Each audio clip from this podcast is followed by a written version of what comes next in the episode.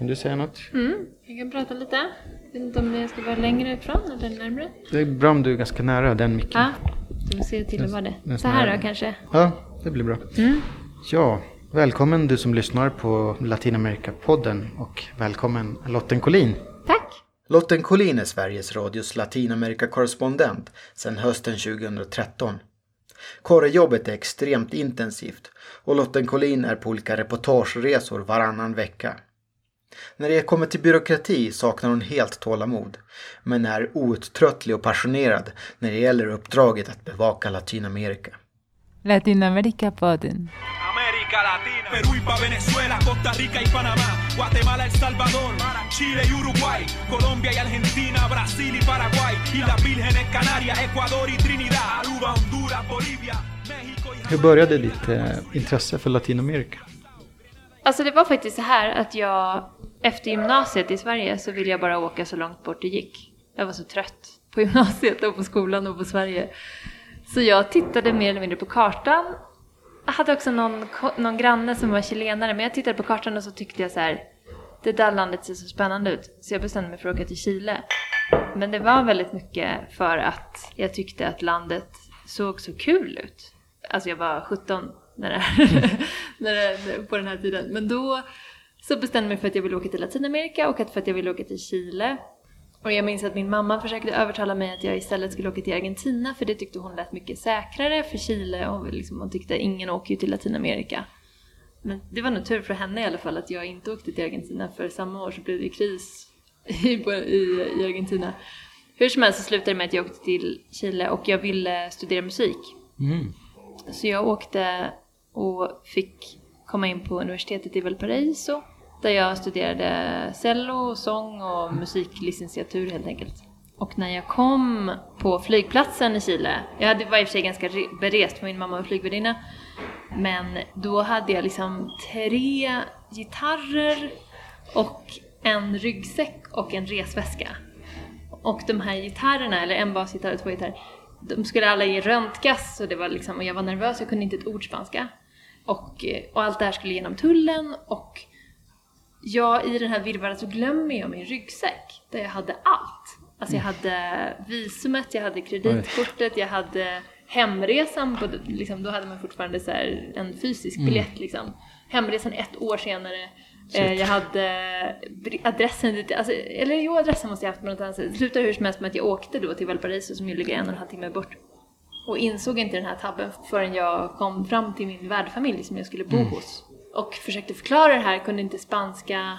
Slutade med att jag fick åka tillbaka till flygplatsen i Santiago och eh, försöka förklara för dem. Och de ville ha pengar, så det var också min första introduktion till korruptionen i Latinamerika. Men ehm, eh, hur som helst, det var så det började. Och sen fortsatte det på en ungefär lika krånglig, konstig väg. Jag hade inte tanken på att jag skulle bli journalist då, utan jag ville hålla på med musik. Så du spelar cello och gitarr? Nej, jag insåg efter ett par år att jag var inte tillräckligt bra och att det aldrig skulle bli någon musiker av mig. Så då började jag hålla på med en lokal radio i Chile som var ett biståndsprojekt med den chilenska staten som Okej. jag jobbade volontärarbetade för. Och då var det med ungdomar ute i, i en fattig del, en fattig by typ utanför Valparaiso. Och där hjälpte jag, eller ah, jag vet inte hur mycket jag hjälpte till för att vara helt ärlig, men jag var där i alla fall och höll på med den här ungdomsradion där de spelade musik och sådär. Och tyckte att radio var jättespännande och ett väldigt intressant medium för att liksom, ja, connecta människor som, som kanske har dåligt med resurser och byar som behöver kommunicera men inte har råd med något annat medium. Och ehm, så slutade det med att jag blev väldigt intresserad av radio och sökte in på radiolinjen i Piteå i Sverige sen när jag kom hem. Men då hade jag inte heller någon tanke på att jag skulle bli journalist utan jag ville hålla på med lokalradio som bistånd och alltså typ radio communitario som det heter i Latinamerika. Det var det jag var intresserad av och sen bara halkade jag in på Sveriges Radio och blev kvar mer eller mindre med lite olika pauser men ungefär så var det. Du gjorde kanske någon praktik på, på Ekot? Eller? Ja, jag, jag tjatade mig till en praktik på Godmorgon Världen som inte, på den tiden inte tog praktikanter. Och eh, det här var väl för 15 år sedan eller något. Men då, eh, då hamnade jag där och sen gjorde jag i och för sig lite avstickare. De, man blir inte så lätt anställd på Sveriges Radio. Så att jag eh, blev utlasad och åkte frilansade i Latinamerika i olika omgångar. Jag åkte till Colombia, bodde där i två år, nästan ett och ett halvt. Och eh, kom tillbaka och sådär. Men sen 2008 så är jag anställd på radion. Tog över efter Palmgren. Mm. Men okej, så att du har liksom halkat in på den här banan. Ja, jag hade nog ingen tanke på att jag skulle bli journalist. Jag trodde att jag, när jag var liten så trodde jag att jag skulle bli författare, sen trodde jag att jag skulle bli musiker och en massa andra saker däremellan. Och sen så insåg jag väl att det var väldigt roligt. Alltså det var väldigt roligt att vara journalist och väldigt roligt att prata med människor. Och att det var så, det hände hela tiden så oväntade saker. Och det är fortfarande det som jag tycker är eh, spännande. Den dagen det slutar hända oväntade saker, den dagen jag slutar bli förvånad över det jag möter så kommer jag nog inte vara journalist. Men jag tror inte att det kommer att hända i och för sig. Så att jag kommer nog fortsätta hålla på ett tag till. Ja.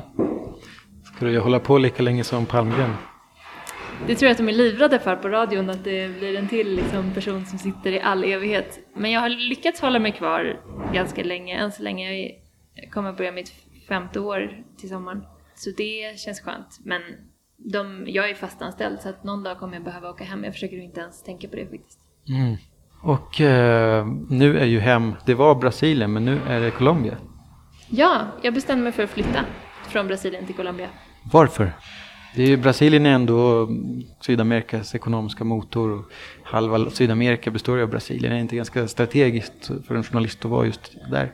Jo, absolut, det har det varit. Samtidigt så känner jag nog att jag har varit fyra år i Brasilien och att Latinamerika är en väldigt stor kontinent som är helt omöjlig att täcka för en person, men man gör så gott man kan. Och att Colombia geografiskt ligger mer i mitten mellan de olika länder som jag bevakar. Och rent logistiska skäl också, det är mycket enklare, det finns direktflighter överallt. Det tar fyra timmar för mig att åka från Bogotá till Mexico City. Tidigare när jag bodde i Rio de Janeiro så var jag tvungen att mellanlanda och det tog en dag att ta sig till Mexico City. Eh, och det här beslutet togs ju innan Trump vann valet. Det här bestämde vi redan i somras, jag tillsammans med min chef. Men just nu med det som händer i Mexiko så känns det ju ännu mer relevant att faktiskt vara närmare Mexiko. Och även Venezuela, eh, som är ett av de länder där jag åker, dit jag åker allra oftast, kanske. Och likaså Colombia som ju är ett land som ändå i grunden går igenom en väldigt positiv utveckling just nu. Det är en fredsprocess som har pågått väldigt länge, den håller på att implementeras och jag kände någonstans att jag ville se det på närmare håll. Jag ville vara där och uppleva den, inte bara komma på besök utan jag vill ha det i min vardag. Och Brasilien har jag bott i så pass länge så att jag ändå känner att jag kan bevaka det genom att resa dit med jämna mellanrum och det kommer fortfarande funka. Även om jag inte bor där ständigt så läser jag ändå brasilianska tidningar, har mycket brasilianska vänner eh, och känner mig ständigt i kontakt med Brasilien. Eh, Men sen var det också, på ett personligt plan så tror jag också att det kändes som att Brasilien går igenom en tid där många tvivlar på Brasiliens möjlighet att ta sig upp. Och det är någon slags kollektiv depression som bara lagt sig som en blöt filt över hela landet. Och jag tyckte nog också personligen att det var jobbigt. Alltså att jag, jag tyckte att det kändes tungt ibland. Att ingen trodde att det skulle gå bättre eller att det skulle gå framåt. För när man frågade om politiska lösningar på de här korruptionsproblemen som ju är ett av de främsta ämnena idag i Brasilien så svarade folk alla bara vi, borde, vi måste bomba Brasilia, alltså huvudstaden. Eh, det är den enda lösningen. Vi måste bomba politikerna, vi måste byta ut alla. Alltså det var den här extremt politikerföraktet som, jag, som jag, som ju tror på politiken som förändringsmedel, kunde bli så himla frustrerad över. Att jag kände att det fanns den här ekonomiska krisen och korruptionshärvan och så ledde till en så himla apolitisk hållning. Till skillnad från till exempel Mexiko, där det ju känns som tvärtom, där eh, det som händer nu med krisen med Enrique Peña Nieto och hur han hanterar Donald Trump och hela muren och sådär har snarare lett till ett politiskt uppvaknande. Att väldigt många är mer intresserade, att de är ute och organiserar sig, att man ser olika presidentkandidater som börjar liksom utkristallisera sig inför, inför nästa års val och så vidare. Och på verkligen ett rent personligt plan så är ju det någonting som jag kan tycka är väldigt inspirerande och jag vill på något sätt vara i det och jag känner att i Colombia så finns en liknande utveckling. Mm. Och samtidigt ska jag inte glömma Brasilien. Jag kommer Nej. åka tillbaka ofta. Ja. Men sen när du fick det här jobbet, så hur bestämde ni då att du skulle vara just i Rio de Janeiro? Alltså vi bestämde att jag skulle vara i Brasilien på grund av VM som då var ett år bort. Och Rio skulle ju hålla OS sen två år senare så det var ju redan en process som var igång och som jag ville följa. Så det kändes ganska så naturligt att vara där. Jag valde mellan Rio och São Paulo helt enkelt. Mm. Och jag, så här i efterhand så känner jag kanske att jag kunde ha bytt även där, att jag kunde ha bott två år på varje plats. Att det hade varit absolut motiverat och väldigt bra. Jag, jag tycker att det är bra att röra på sig mycket. Jag försöker resa så mycket jag bara mäktar med. För mig är det ett måste om man bevakar en kontinent. Det är också en anledning till att jag tycker att det är värt att flytta för att få nya perspektiv. Mm. Och nu är ju de stora brasilianska mega-eventen överspelade. Ja, men jag vill nog uttryckligen säga att det är inte därför jag flyttat därifrån. Även om det var en väldigt bidragande orsak till att jag flyttade dit så var det ju andra frågor som var viktigare. Det vi nämnde tidigare att Brasilien är Latinamerikas största land, att det är bara en sån sak som att det gränsar till nästan alla andra länder i Sydamerika. Det är en stormakt. Vad Brasilien säger och hur Brasiliens ekonomi går spelar enormt stor roll för resten av Latinamerika. Titta bara nu på korruptionsskandalen för byggbolaget Odebrecht som har spridit sig till i stort sett alla länder i hela Sydamerika snart känns det som. Så att det kändes helt motiverat. Därmed inte sagt att det inte fortfarande skulle vara motiverat att bo där men, men samtidigt så dynamiken som finns mellan Colombia och Venezuela och närheten till Mexiko plus själva miljöombytet i sig känns som bra anledningar för att flytta. Mm. Men hur gör du när du, behöver du sälja in liksom, jag vill göra en grej om detta? Får du tuggmotstånd då från utrikeschefen eller hur gör ni för att bestämma vilka jobb, vilka knäck du gör? Jag skulle nog vilja påstå att jag får göra ganska mycket vad jag vill. På reportagefronten. Mm. Sen finns det ju nyheter och där det, känns det oftast faktiskt som att det är uppenbart mm. vad det ska vara för nyhet. Och där får jag nog ändå säga att det har blivit väldigt mycket bättre. Jag känner att när jag började som Latinamerika-korrespondent så gjorde jag nästan bara reportage, för det var ingen som var intresserad av nyheter. Och när jag gjorde nyheter så hamnade de ofta väldigt långt ner i sändningen och väldigt ja, eller i sändningar som Lunchekot till exempel, som inget ont om Lunchekot men det har inte lika hög listning som på morgonen i Ekot och sådär. Och jag kände att det, jag blev enormt frustrerad. Så frustrerad att jag faktiskt efter ett år som Latinamerika-korrespondent gjorde ett program om varför Latinamerika inte fick mer plats mm. i svensk media. Som gick på som en talkshow som gick på sommaren därefter. Just det, gerillaradion. Ja, precis, gerillaradion. Eh, men det handlade ju om det. Det, jag, jag, det. det, första året var verkligen, det var min störst, mitt största problem med Sveriges Radio. Jag tyckte att det var väldigt frustrerande att jag såg att så himla mycket saker hände som de inte var intresserade av. Och jag måste nog ändå säga att jag tycker inte att det är så längre. Nu för tiden, det är klart att de säger nej eh, ibland för att de, det händer andra saker som är viktigare och det är klart att Mellanöstern och USA och många europeiska länder ofta går före. Men det är inte alls samma på något sätt automatiska ointresse som jag upplevde att det var från början. Utan att tvärtom, det är, det är ofta så att de ringer och liksom aktivt vill ha saker också. Att de har läst själva om någonting eller de har läst om Brasilien eller Mexiko. Mm. Och tidigare så kunde jag känna att vad gäller Mexiko så var de bara intresserade av knarkkriget. Och vad gäller Brasilien så var de mest intresserade av liksom de brasilianska klyschorna. Och vad gäller Venezuela var de intresserade av protester. Mm. Men det var ungefär det. Och nu känner jag nog ja, men att det inte är så längre. Jag är här i Ecuador där vi sitter för att göra ett reportage om, om gruvindustrin och om eh, dollar, dollariseringen, alltså att Ecuador har dollar som sin valuta och vad det mm. innebär mm. och sådana här mycket mer ja, smala ämnen får man väl ändå lov att säga som kanske inte attraherar vem som helst men som jag tycker att radion ändå ja, men sänder ut och eh, förhoppningsvis tycker om. Så jag upplever nog att jag får bestämma väldigt mycket själv. Mm. Och att, det, och att det finns ett intresse för de sakerna som jag, som jag föreslår. Och sen ibland kommer de med idéer och det är ju bara... Det är kul. Det är bara kul liksom. Mm. Så jag upplever nog att jag kan egentligen jobba ihjäl mig om jag skulle vilja. De säger väldigt sällan nej. Eh, jag ringde igår till dem och föreslog mina sex reportage från Ecuador och de bara sa ja men vad trevligt, vi vill ha två nästa vecka och sen vill vi ha två till och så vidare. Och så vidare. Mm sex reportage från Ecuador och hur många dagar är du här? En vecka. Det är mycket jobb på, på, en, på en vecka. Mm, det är mycket jobb på en vecka. Men eh, jag tycker om att jobba. Just det.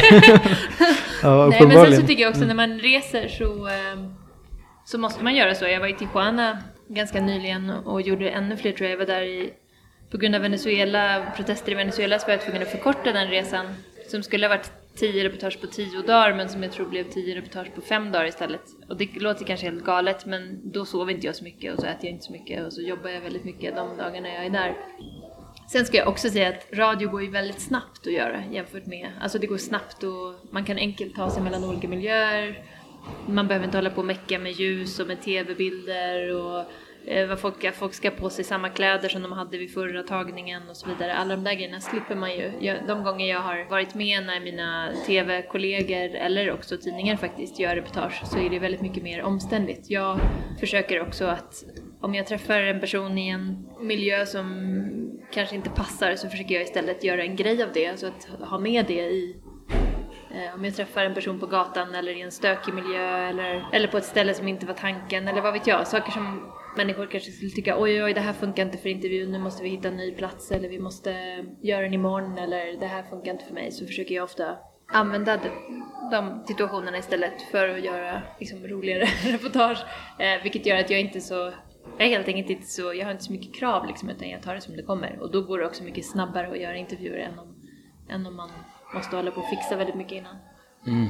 Alltså jag upplever att radio är så himla, det är så himla enkelt att komma nära människor också. Att man behöver inte jobba så länge för att hitta folks förtroende eller få folks förtroende därför att man är inte så, vad säger man, intruder? Alltså man är, Ja. man är, man, man Inte lika hotfullt på något sätt. Nej, Med, alltså man kommer där med en liten bandspelare och man sätter sig bredvid dem och man pratar lite och sen är det klart. Liksom. Det är inte en massa fotoblixtar och kameror och så här. Det gör också att jag tror att det går snabbare att få folks förtroende, det går snabbare att få bra intervjuer.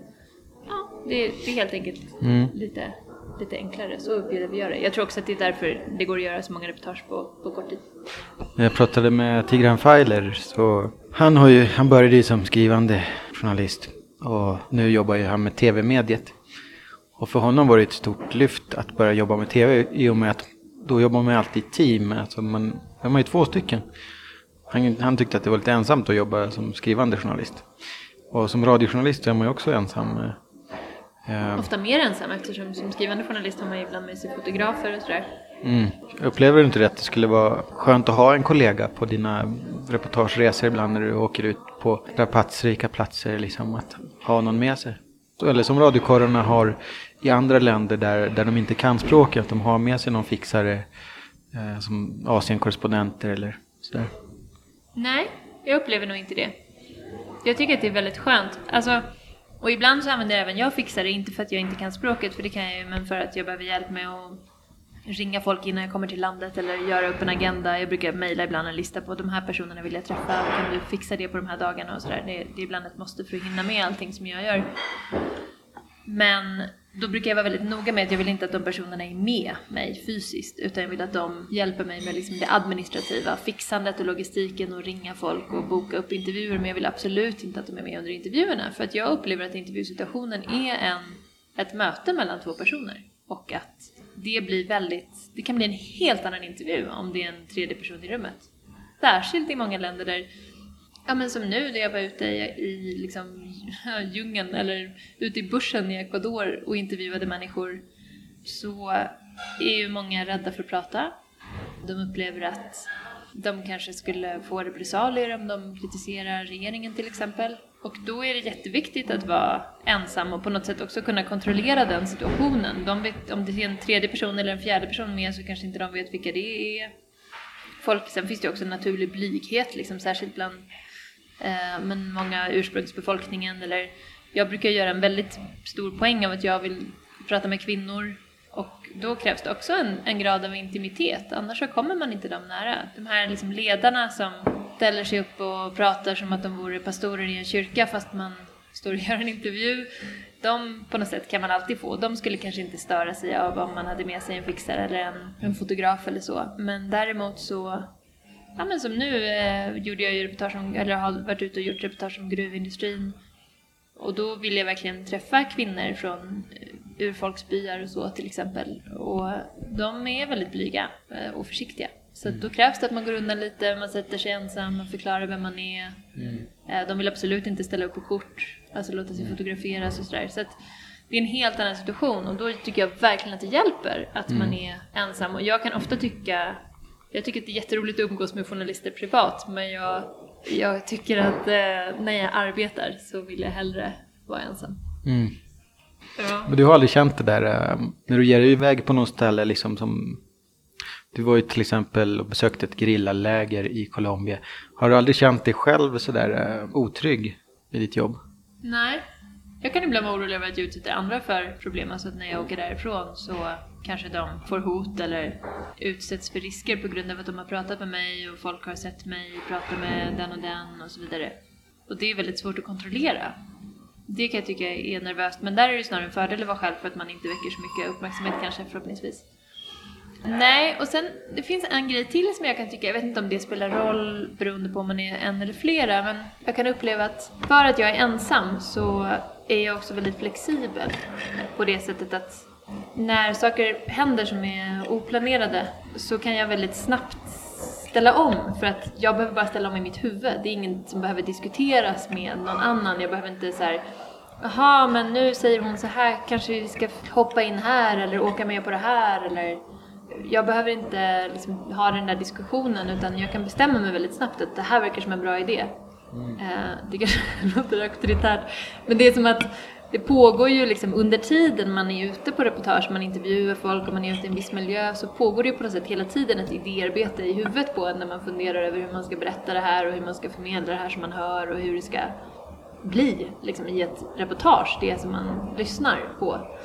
Och de gånger som jag har arbetat med andra så kan jag uppleva att det där ständiga koordinerandet också begränsar en därför att man på något sätt tvingas ena sig om vad som är historien och vad som är poängen och vad man ska komma fram till redan innan man har hört vad människor säger. Och jag tycker att själva fördelen med att vara själv är också att man faktiskt inte behöver ha en vinkel på förhand. Nu för tiden skulle jag vilja säga att jag ganska sällan har en vinkel. Alltså, jag åker ofta till ställen och tänker så här, men jag får se vad jag hittar. Mm. Och så blir det det som det blir. Och det möjliggör också väldigt mycket därför att man kan prata med lite vem som helst, man får se liksom vad som verkar spännande. Och alla människor bär på en historia, så att vissa släpper fram en och man får höra den historien och vissa gör inte det. Så. Du har ju ett väldigt roligt jobb, måste du väl ändå hålla med om? Det är fantastiskt. Det är nästan för roligt ibland, det är svårt att sluta. Mm. Du var inne på det, att du skulle kunna jobba ihjäl dig. Mm. Men... Eh, det gör jag inte. Jag gör, ganska, nej, det gör, gör jag inte. inte det? Nej, jag är ganska bra på att ha roligt. Så att jag kan eh, liksom, eller har, jag är ganska bra på att låta jobbet vara. Så att jag kan också faktiskt Plus att många reportage jag gör är ju väldigt roliga. Jag gjorde ett reportage för ett år sedan ungefär. Jag åkte till Argentina och gjorde reportage om vinindustrin Mm. Det gick liksom ingen nöd på mig. Jag menar jag åkte runt mellan olika vingårdar och fick hålla på titta på vindruvor och gå ner i olika jordgropar och titta på olika jord... eh, liksom hur jorden förändrades beroende på hur det regnade och så vidare. Jag menar, mm. Det, när man håller på med sånt så känns det ju inte som att man jobbar. Visst, det är klart att det är något helt annat att vara på en protest med massa tårgas i Venezuela. Mm. Men det är ändå så pass omväxlande och mycket av det är så pass roligt och jag har väldigt lätt för när jag är ledig eller när jag tycker att jag ska vara ledig så har jag jättelätt för att koppla av jobbet mm. också. Så det är inga problem. Men eh, hur, hur, ser det ut med arbetstider? Har du några formella arbetstider eller är du som, som en politiker som jobbar 24 timmar? Så att så fort Sveriges Radio ringer dig så är du i tjänst? Ja, så är det. Så att man är aldrig ledig om man inte uttryckligen har sagt att man måste vara ledig av någon, av någon anledning. Men jag... Eh, jag jobbar dygnet runt. Så att, jag menar nyligen i, på vintern där så, jag hade precis kommit hem från Mexiko. Jo, jag hade haft en jättelång resa så att jag hade varit i Costa Rica och gjort reportage om regnskogen som jag faktiskt inte har redigerat än men som kommer nu snart. Mm. Och eh, sen så var jag uppe i Mexiko och gjorde liksom inför, under amerikanska valet reaktionerna där. Och sen så var jag uppe i Tijuana vid gränsen och sen så skulle jag komma hem till Colombia och jag, jag hade inte ens fått min lägenhet i Colombia då än så att jag bodde hos kompisar på en madrass. Ja, då hade jag faktiskt jobbat jättemycket så då var jag ganska trött. Men då hade jag inte mer än gått och lagt mig så ringde radion och sa Fidel Castro är död. Oh. Nu måste du, liksom, hur ska vi göra? Mm. Och då sa jag bara, nej men det är bara att åka. Och då gick det en flight fyra timmar senare. Wow. Eh, och jag hade ingen visum men jag, som man ju måste ha till Kuba. Men jag åkte bara ändå och hoppades på det bästa och det gick att lösa det på plats. Mm. Men eh, jag menar, i det läget så var jag ju liksom ganska trött. Mm. Men sen så när man väl sätter igång och man är där och man börjar intervjua folk så brukar jag alltid glömma bort det. Du lättar tröttheten. Men när du är ledig, vad, vad, tycker du om att göra då? Jag tycker om att röra på mig när jag är ledig. Men det har väl också att göra med att jag sitter så mycket framför datorn och sitter i taxi och sitter på intervjuer och det känns som att jag alltid sitter, sitter på flyg. Mm. Så att jag försöker att Ja, men jag, jag kopplar av bäst när jag får röra på kroppen. Mm. Men motionerar du någonting? Jag är lite grann av en peri- periodare liksom. Så att jag plötsligt kan jag få för mig att springa varje dag och då blir jag jätteintensiv och så gör jag det. Och sen så eh, kommer jag på något annat och så plötsligt som nu har det gått, sist jag var ute och sprang var kanske i somras. Jag har också haft lite ont i knät men, men det är som att jag, jag är nog lite intensiv i mina saker. Så att jag, sen har jag också, jag har inte haft en bostad ordentligt sen i, sen i september. För mitt flyttlass gick i, från Brasilien i september, slutet på september. Och det kom inte fram i Colombia förrän efter jul. Oj.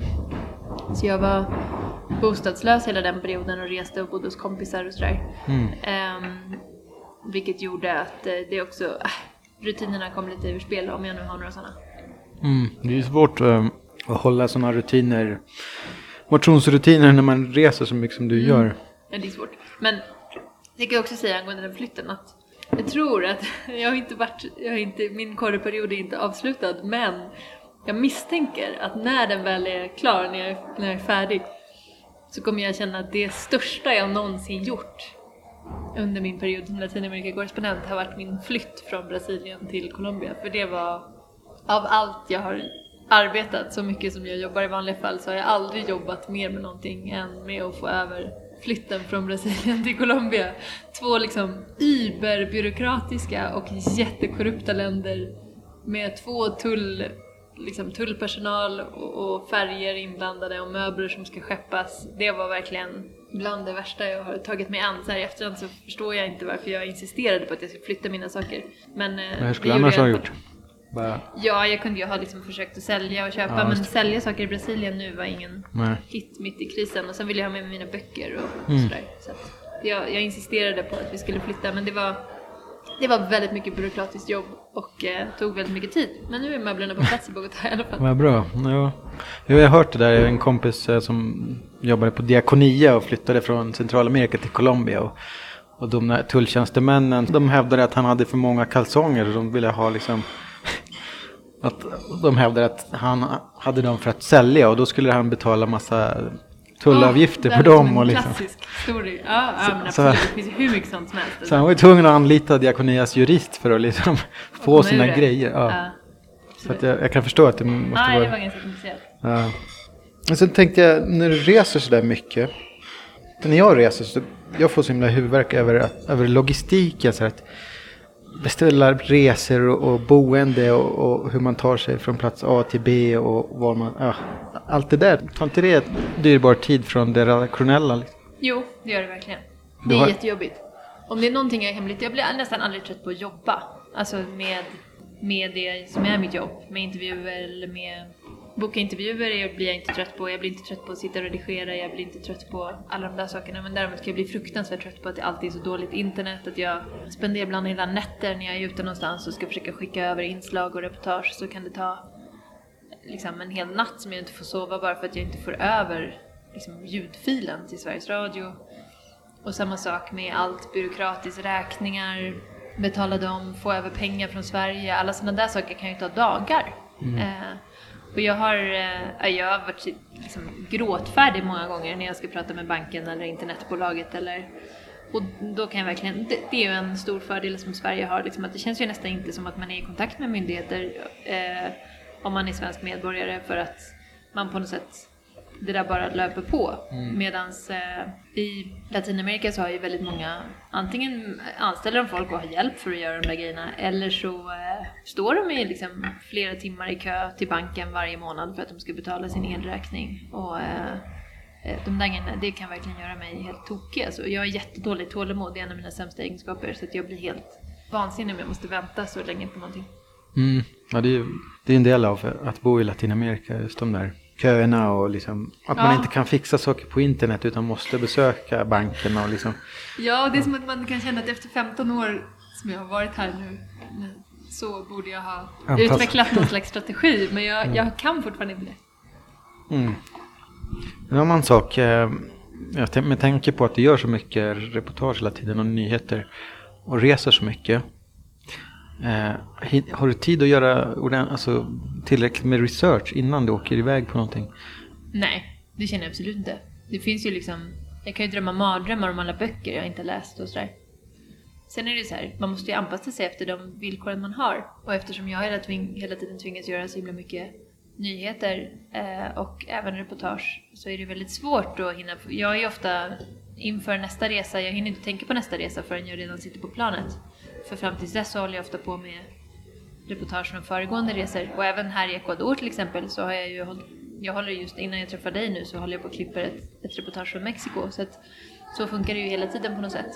Så att det är nog väldigt mycket att hålla på och lära och lära sig under tidens gång och läsa på i taxibilar och liksom, så är det ju. Samtidigt så bygger man ju också upp en kunskapsbank under de åren som har gått eh, med någon slags grundbult av information och så får man läsa in sig på varje ämne. Oj! Det var en pojke som hoppade till. eh, som eh, får man läsa in sig på varje ämne lite grann också i mer i detalj. Men sen är det också så att om man är om man är väldigt inläst på någonting så kan man ju bli väldigt frustrerad över att de sakerna som man kan ändå inte kan komma med i det slutgiltiga reportaget för att det känns som att all guldkant man har eh, lärt sig inte får plats till slut när man ska försöka få ner allting till åtta minuter. Däremot så kan jag uppleva att det är, det, man känner väldigt mycket på att vara påläst i en intervju. Det är mer där kanske som jag ibland kan sakna att jag inte har hunnit förbereda mig mer. För sen i själva reportageutgörandet på något sätt så hinner man ju dels alltid kolla upp de grejerna som man inte har hunnit med innan och man, ibland får man inte heller med alla detaljer som man skulle önska sig. Men jag försöker, för, jag kan säga så här, jag försöker förbereda mig väldigt noga inför alla ansvarsutkrävande intervjuer. Då försöker jag verkligen läsa på. När det däremot gäller att åka ut i fält och sådär och intervjua folk på plats om saker som skeenden som händer så kan jag ofta känna att det kommer jag få information om under tidens gång och så är det ofta också. Mm. Och sen hur, hur, hur gör du när du jobbar fram ett, ett reportagestruktur? Är det också så att du improviserar fram reportage eller hur Ja. jobbar du? Alltså det där, är jätte- jag har fått den där frågan flera gånger faktiskt och jag har inget bra svar alltså. Det är som att det alltid är olika beroende på vad det är för reportage. Ibland kommer jag på redan när jag intervjuar hur jag ska göra, ibland har jag tänkt lite innan men det är ganska sällsynt. Och ofta så blir det på något sätt under reportaget gång som jag kommer på hur jag ska börja och hur jag ska sluta och vad det ska handla om. Eh, faktiskt. Det känns ofta ganska slumpartat, det är säkert inte det egentligen. Men jag har alltid så här ryggat tillbaka när folk börjar prata om dramaturgi eller folk vill på något sätt ha en idé om hur reportaget ska se ut redan innan de ens har gjort intervjuerna. Det kan få mig att bli helt skräckslagen. Det är inte den typen av journalistik som jag är intresserad av att göra. Mm. Så att jag, jag vet inte, jag kan nog tycka att man kommer ganska långt på att vara nyfiken ändå och lyssna på vad folk säger och sådär. Jag har ju sällan frågor när jag intervjuar, nästan aldrig. Om jag inte ska intervjua typ ministrar eller politiker och sådär, då brukar jag försöka ändå veta. Men annars så har jag aldrig egentligen frågor med mig till exempel. Behöver du någonsin brottas med reportage eller är det något som bara går på löpande band? Absolut inte. Jag tycker ofta att det är, svårt. Men det är som att de reportagen som spelar allra mest roll för en rent personligt, de är ju jobbigast att göra.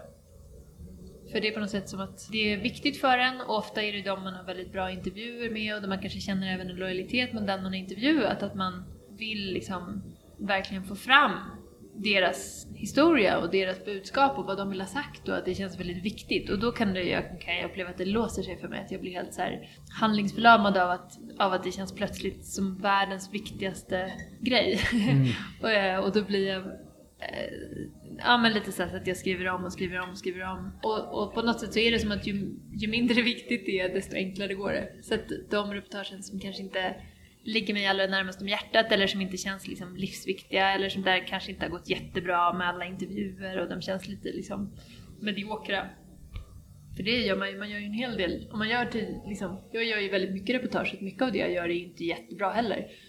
Men då, eh, jag tror att jag har förlikat mig med att allting inte heller behöver vara perfekt. Och det har nog hjälpt lite. Att jag kan känna att jag har inte så himla höga krav på mig längre. Jag har ändå en ganska stor produktion, jag gör väldigt mycket. Mm.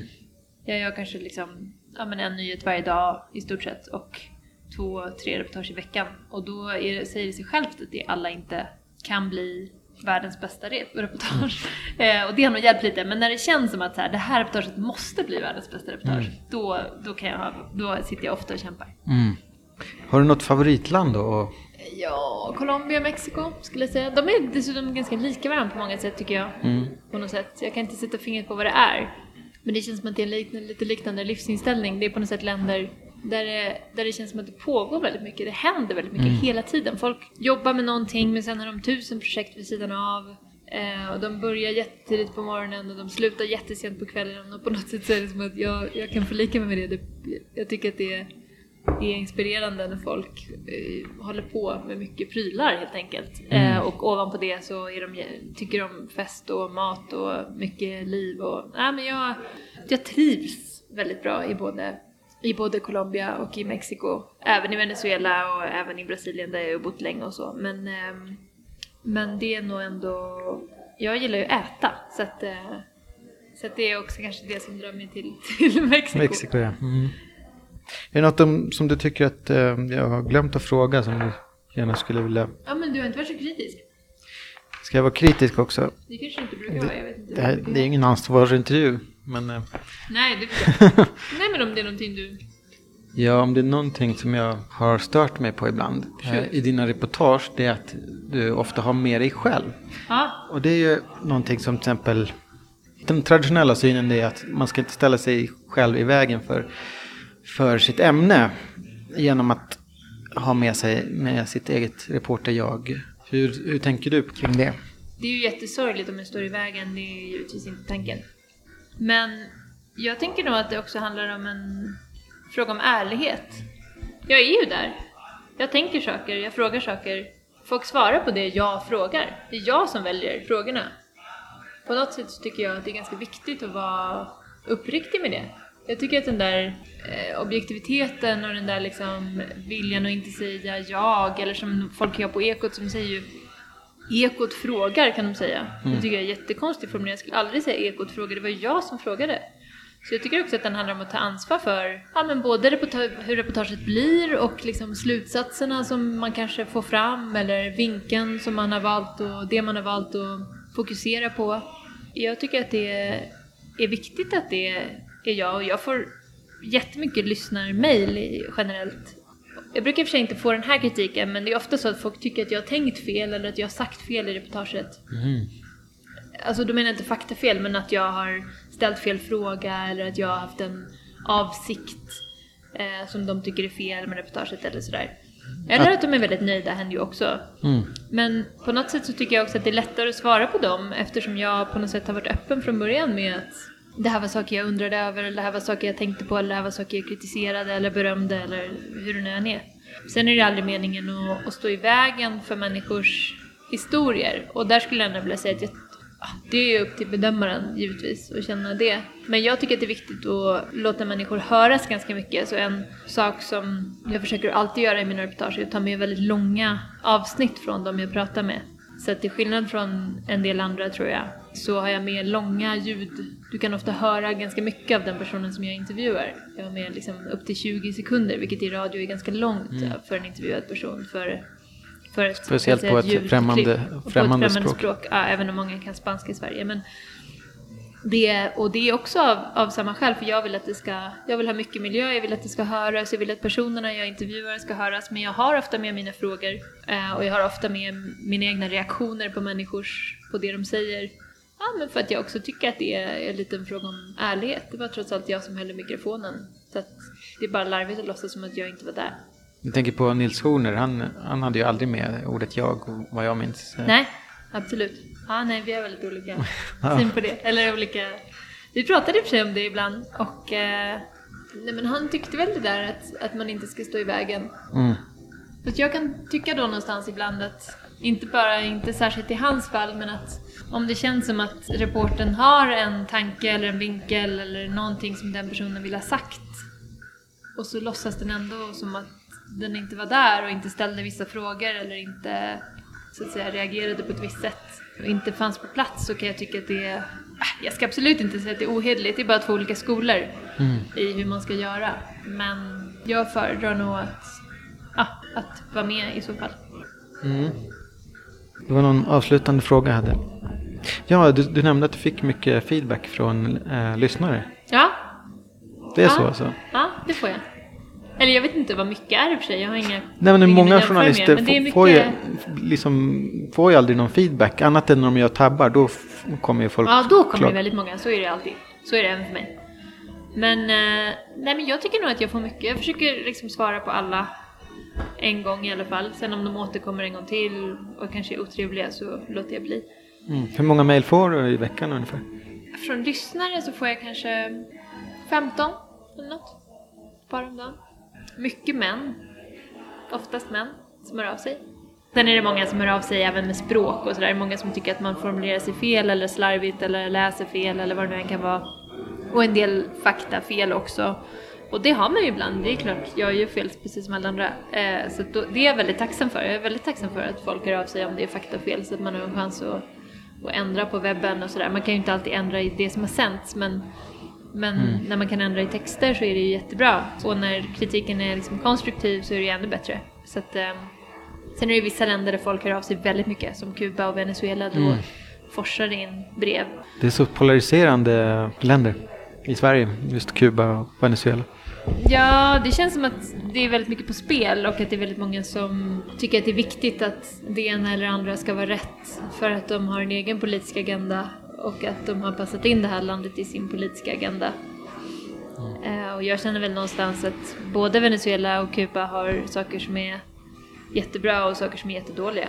Mm. Och de måste man lyfta fram. Och sen kan jag säkert i ett enskilt reportage vara väldigt dålig på att lyfta fram det bra eller väldigt bra på att lyfta fram det dåliga.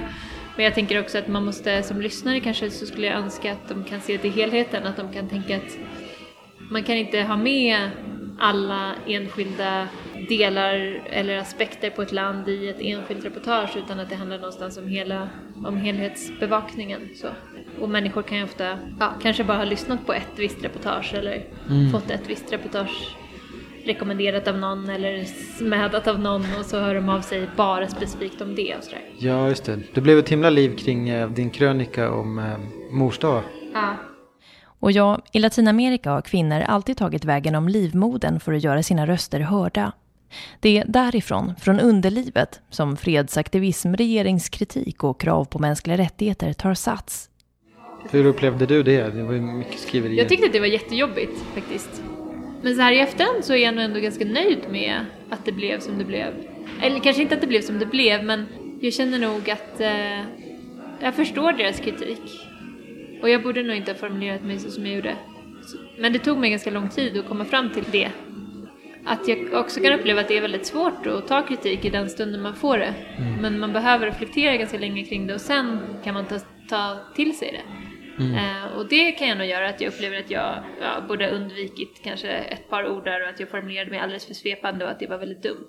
Sen kan jag väl önska liksom att, ja men som i alla fall där man får kritik, att den, den kunde ha varit formulerad även från deras håll på ett annat sätt. Jag upplevde att de som kritiserade mig både från början men även liksom den, de som kom red på den vågen så att säga av kritik, att de använde värdeord som att jag, ja men jag minns inte exakt faktiskt just nu, men att det var i, i linje med att jag skulle vara rasistisk, att jag hade haft en rasistisk inställning, att jag var antifeministisk och så vidare. Och det kanske jag tycker var lite hårt och kanske lite långt från kärnfrågan som ju handlade om att jag hade generaliserat på ett sätt som de tyckte var mm. fel. Mm.